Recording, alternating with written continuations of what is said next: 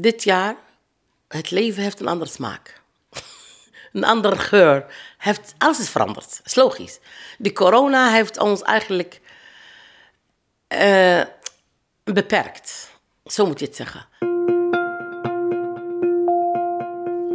In de eerste keer uh, ik probeer om te contact met Nederlandse mensen voor verbetering mijn taal. Uh, dan kom, uh, is, is moeilijk voor mij om te, om te contact met Nederlandse mensen. Ik was 24 jaar. Dus en dan kwam je als student. En, dus en, ja, ik was alleen eigenlijk, laat maar zo zeggen. Geen familie, geen, geen vriend, vrienden wel, maar vrienden die waren ook pas ook in Nederland. Die kwamen ook pas voor... Ja, dus was eigenlijk... daar had ik wel eigenlijk wel een, een, tijdje echt in eenzaamheid geleefd. Ja, ik, moest eigenlijk bijna de klas ingeduwd worden. omdat ik niet durfde. En ik mocht uh, naast de lerares zitten, omdat ik uh, ja, nog veel te leren had. En uh, toen had ze me dan gewoon bij de hand. Als ik vragen had, dan kon ik gewoon vragen. Maar ik voelde me, ik voelde me een beetje alien of zo.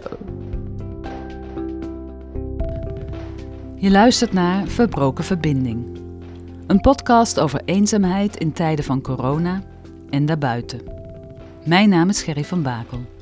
Samen met mijn collega-podcaster Andy Clark maken we een zesdelige podcastserie over eenzaamheid. Daarvoor gaan we kriskras op onderzoek door Leiden. In deze aflevering praten wij met mensen die niet geboren en getogen zijn in Nederland, maar hier om verschillende redenen naartoe zijn gekomen. Hoe hebben zij hun contacten opgebouwd? En hebben ze meer last van eenzaamheid?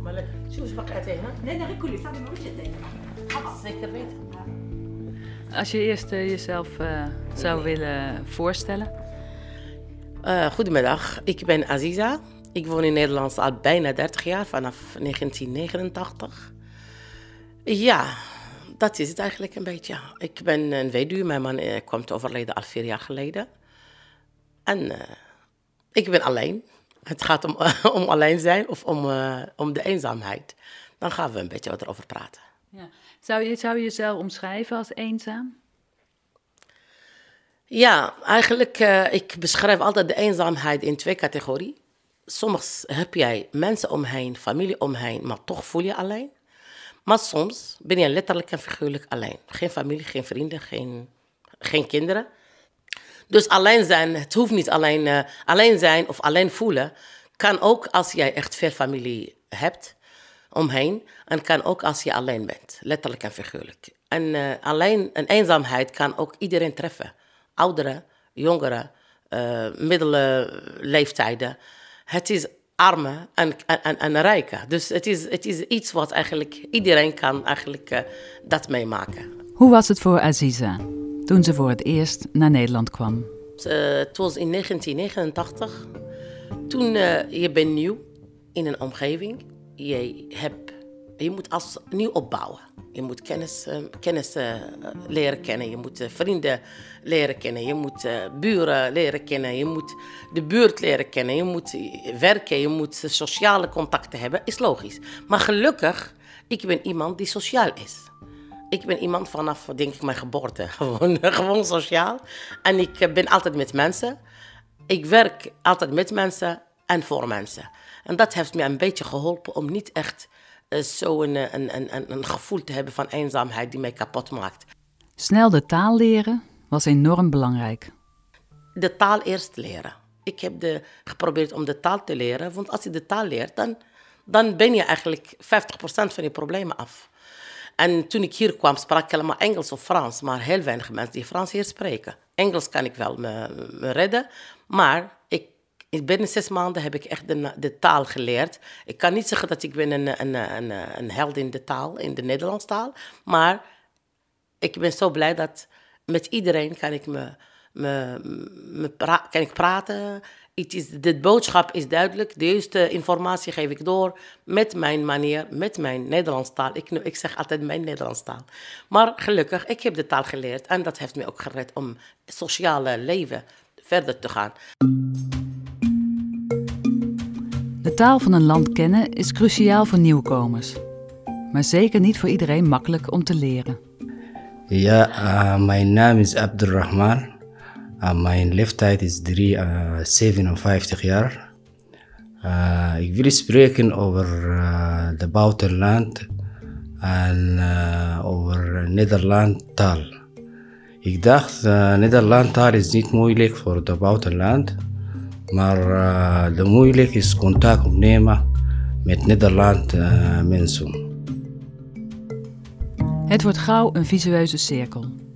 In het begin spreek je de taal nog niet of niet goed genoeg en daardoor krijg je weinig contact met Nederlanders. Waardoor je de taal ook niet beter leert en voordat je het weet raak je geïsoleerd. Is uh, eenzaam, ja, is, uh, is, uh, is, is balen voor mij. Is balen, is balen voor mij, voor, voor blijven thuis en kijk naar televisie en ga naar die kamer en die kamer. Is moeilijk, is heel saai voor mij en heel balen. Heeft u veel vrienden in Leiden?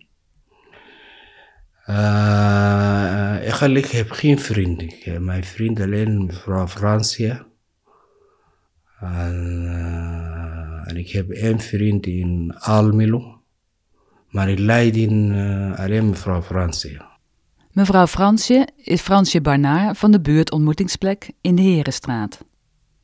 Abdulrahman komt daar graag langs voor een kop thee en een praatje. Hoe is hij eigenlijk in Nederland terechtgekomen? Uh, ik kom uh, in Nederland asielzoeker uh, door de situatie in mijn eerste land in Sudan. staat dictators en staat geen vrijheid en geen democratie. Daarom kom ik hier in Nederland. Hij ontvlucht samen met zijn vrouw en kind de dictatuur in Sudan. Maar binnen drie maanden verlaat zij hem. Hierna gaat het snel bergafwaarts met Abdulrahman. Hij raakt verslaafd aan alcohol. Uh, in de eerste keer ik drink weinig alcohol, dan verslaafd, dan ochtend, dan middag, dan op straat. Hij verliest zijn huis, raakt dakloos en wordt uiteindelijk opgenomen in een kliniek in Oestgeest, waar hij twee jaar blijft. Na zijn ontslag uit de kliniek brengt zijn contactpersoon hem naar de buurtontmoetingsplek. Voor Abdulrahman betekent het een ommekeer. De Bob wordt de plek waar hij zijn leven weer oppakt. Deze plek, ik zoek deze plek van lang tijd. Van lang tijd, ik heb geen contact met Nederland mensen. En die plek uh, voor mij is heel belangrijk, omdat uh, de meeste mensen die komen in, in Bob uit uh, Nederland of de mensen die geboren in Nederland.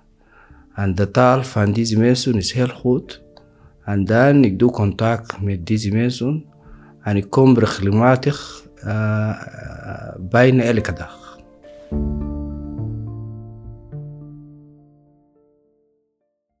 Mijn naam is Aisha. Nou, dat is het. en kun je misschien iets over, je, over jezelf uh, vertellen? Hoe, hoe lang woon je al in Leiden? Ik woon uh, 15 jaar in Leiden. Uh, daarvoor heb ik uh, in Amsterdam gewoond. Net als Aziza zet Aisha zich in om mensen te helpen met integreren in de Nederlandse samenleving. Denkt ze dat mensen met een andere culturele achtergrond vaak te maken hebben met eenzaamheid? Nou, zeker. Ik heb het ook zelf meegemaakt in het verleden. En ik merk het ook nu uh, in, met, mijn cliënten eigenlijk. Dus, want uh, ik, heb, ik werk met verschillende nationaliteiten, multicultureel eigenlijk groepen hierin.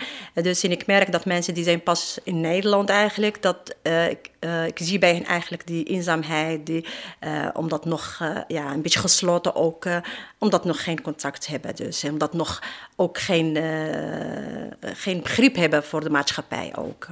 In het algemeen van alles. Omdat ze ja, eigenlijk geen idee hebben hoe het precies in elkaar steekt. Ja, en hoe precies hier uh, gaat eigenlijk dus. Want uh, je, je komt vanuit een andere cultuur en dan kom je hier, dat is heel iets anders. En eigenlijk om hier aan te winnen, dan moet je gewoon uh, snel integreren eigenlijk. Dat is, want dat is wel belangrijk. Ja, maar dat is vaak wel wat lastiger dan, dan het zo klinkt. Van, je moet gewoon even integreren. Nou, ik ben niet met jou mee eens. Ik denk, als, als je hebt inzicht en je wil heel graag, dan bereik je het gewoon ook in korte tijd. En dat is echt vanuit ervaring. Aziza merkt dat in bepaalde periodes gevoelens van eenzaamheid meer opspelen. Wij voelen alle eenzaamheid met islamitische, islamitische gelegenheden. Bijvoorbeeld in de Ramadan, in de, bij suikerfeest, zoals jullie noemen. Dat is geen suikerfeest, dat is het al-Fitr, normaal gesproken. En uh, bij suikerfeest, bij slachtfeest, dan voel je eigenlijk, ja, heb je familie nodig. Want bij ons feest, uh, Ramadan, suikerfeest en slachtfeest, is precies bij jullie in december.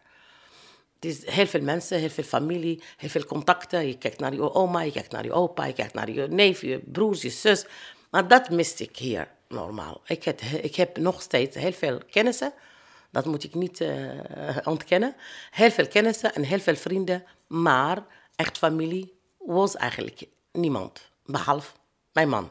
En dat is wel, uh, wel, wel een beetje, ja, heeft een effect op jou natuurlijk.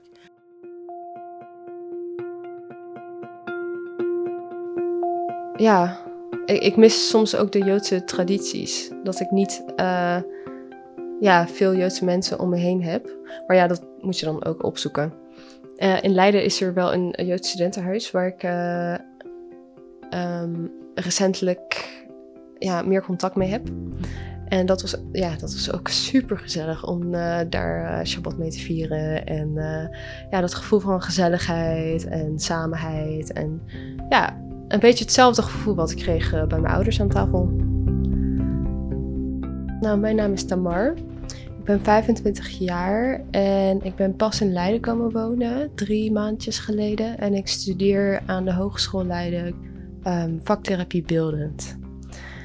En um, ja, dat uh, is een korte introductie, toch? Tamar weet heel goed hoe het is om een nieuwkomer te zijn met een andere culturele achtergrond. Ze is geboren in een Joods gezin in Zuid-Afrika. Toen ze zeven jaar oud was, verhuisde ze met haar ouders en zusje naar Spanje. Op school voelde ze zich niet echt op haar gemak. Ik voelde me een beetje alien of zo. Uh, want ik, ja, ik was het Engelse meisje, of ja, ook Nederlands, internationaal, buitenlander. Um, en dat gevoel bleef wel hangen voor de tijd dat ik uh, in Spanje zat. Want ik was nooit um, helemaal Spaans.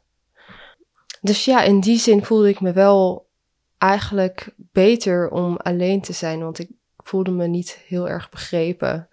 En daardoor kan je dan, ja, voelde ik me ook eenzaam.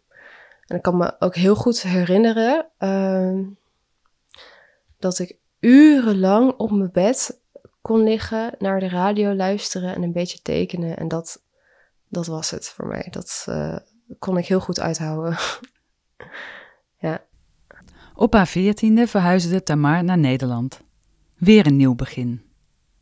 Het is niet altijd makkelijk en jaren later voelt zich soms nog een buitenstaander. Bijvoorbeeld te midden van de familie van haar vriend, waardoor ze zich ineens omsingeld voelt tijdens een kooroptreden. Ik stond voor zijn moeder. en daar stond ook zijn oma, zijn andere oma, zijn nichtje, zijn vader, zijn, zijn uh, oom, uh, zijn broertje.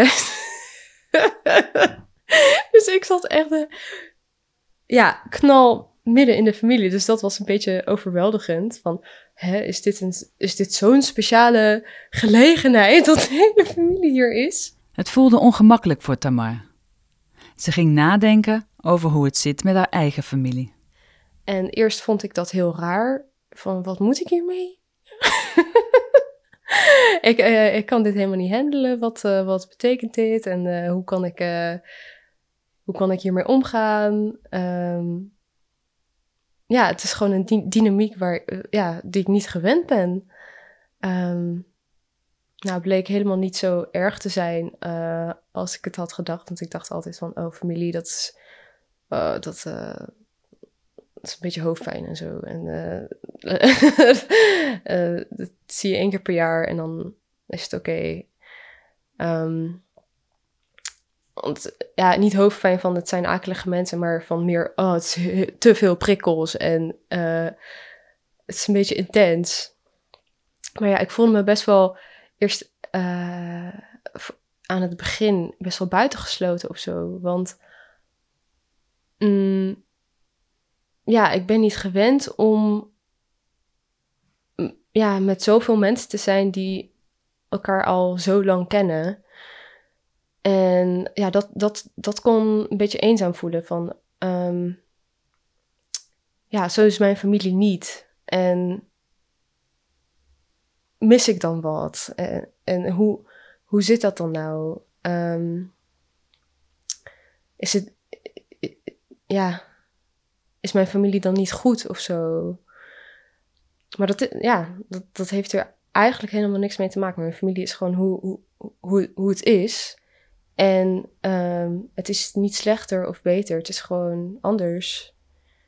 Ehm, maar ja, dat, aan het begin kon dat best wel eenzaam voelen. Want dat, die band, die zo warm en knus eh, voelde bij de, bij de familie van mijn vriend... dat kon ik niet reflecteren bij mijn eigen familie.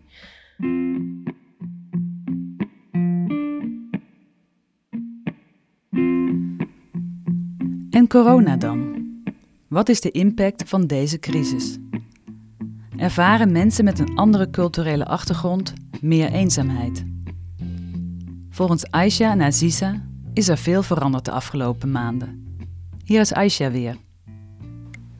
Zeker is uh, totaal veranderd. Uh, van actief uh, leven naar een beetje um, stil leven, laat maar zo zeggen. Um, nou, dus uh, met name eigenlijk die, die periode van, uh, van het begin eigenlijk. Uh, je mag niet naar buiten, zo min mogelijk niet naar buiten. Je komt in contact met je, met je mensen. op je werkgebied mag je ook niet, mag je gewoon ook vanuit huis gaan werken. Dus dan merk je dat eigenlijk heel veel dingen heb je gemist in je leven. En, dan stond je inderdaad alleen in de thuissituatie met je kinderen, gelukkig. Oh, dan is wel een kinderen thuis. maar ja, dat is echt een heel grote verandering eigenlijk in, in, in mijn leven. De coronacrisis en de beperkende maatregelen tijdens de lockdown van half maart tot 1 juni hebben voor veel spanningen bij mensen thuis gezorgd, zegt Aisha jongere mensen, laat maar zo zeggen, die, die hadden heel veel last van. Want uh, ze mochten niet naar buiten. En ja, de activiteiten waren allemaal gestopt, school was gestopt. Dus. En daar was eigenlijk behoorlijke verandering ook eigenlijk. Dus. En um, waardoor eigenlijk ging eigenlijk uh, thuis dus. En, en was eigenlijk ontstond heel veel problemen ook in die thuissituatie. Ja, je hoorde van jongeren dat ze thuis ruzie kregen met elkaar of met hun ouders? Met name met de ouders. Want uh, kijk eens, die jongeren die willen toch naar buiten. Dus uh, ze snappen niet, ja, we, uh, we, gaan, we gaan gewoon naar buiten. En de ouders die zitten daar een beetje tegen. Nee, je gaat niet, want of ouders zijn kwetsbare mensen of, of risicofactoren, weet je. Dus en ze laten hun kinderen niet naar buiten. Wat gaat gebeuren? Dus dan krijg je gewoon die botsing tussen ouders en de kinderen. En het gaat escal escaleren eigenlijk. Als hulpverlener probeerde Aisha dan te bemiddelen. De intelligente lockdown, die maakte dat ze alleen thuis zat en weinig mensen zag, zorgde ervoor dat Aziza ging nadenken over het leven en de eventuele dood en wat daarin echt belangrijk is voor haar. Een aantal kennissen zijn, kwamen te overlijden. Toen begon ik echt serieus de corona te nemen. En echt serieus zeggen, ik vind het wel erg als ik bijvoorbeeld uh, ziek word en kwam te overlijden of komt te overlijden en er is geen familie. Ik ben hier letterlijk en figuurlijk alleen. Ik heb heel veel kennissen. Maar ook de kennissen, als je komt te overlijden, ze kunnen bij jou niet zijn. Je kan geen afscheid van de mensen ne nemen. En dat vind ik zo erg. Toen een aantal mensen kwam te overlijden, toen begon ik echt, echt een beetje, nou niet eenzaam te voelen, maar een beetje verdrietig voelen. Normaal gesproken begeleidt Aziza andere vrouwen nadat ze een dierbare hebben verloren. Maar ook dat is door de coronacrisis veranderd. Kijk, die mensen ken ik. Ik kan hun niet bijvoorbeeld condoleren. Ik kan niet aanwezig zijn bij de begrafenis. Normaal gesproken, wat ik doe, ik doe vrijwilligerswerk overal, in de moskeeën ook.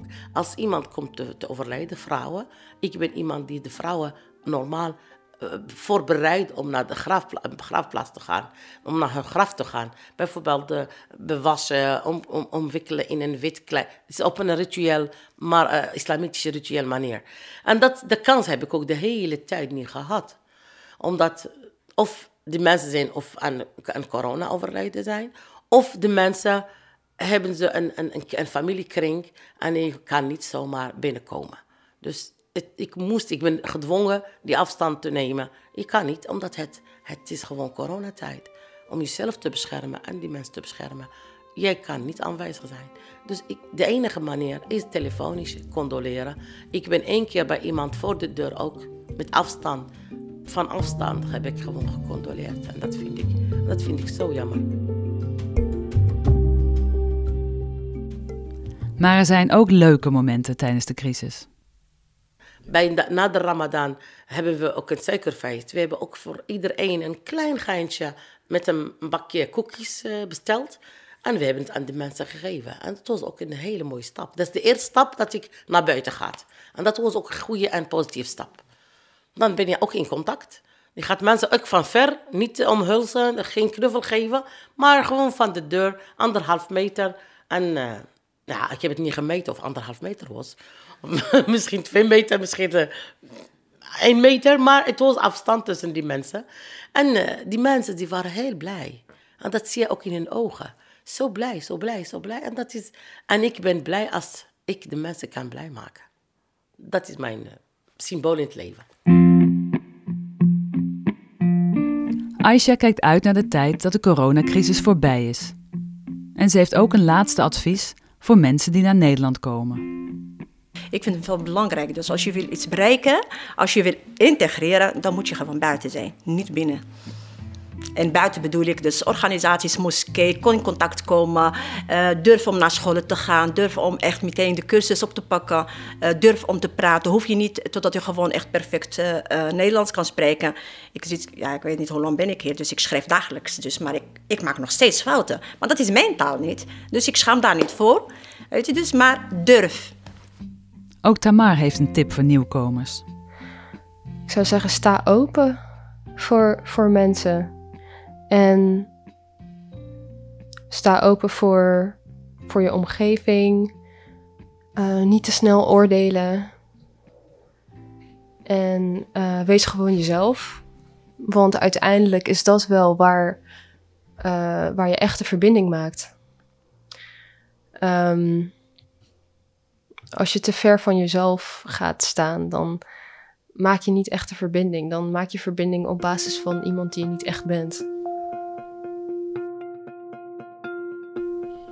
En Abdulrahman heeft ondanks alle tegenslagen zijn eigen plannen voor de toekomst. Mijn plannen uh, studeren meer en studeren uh, in de universiteit en dan krijg je goede baan en goede salaris.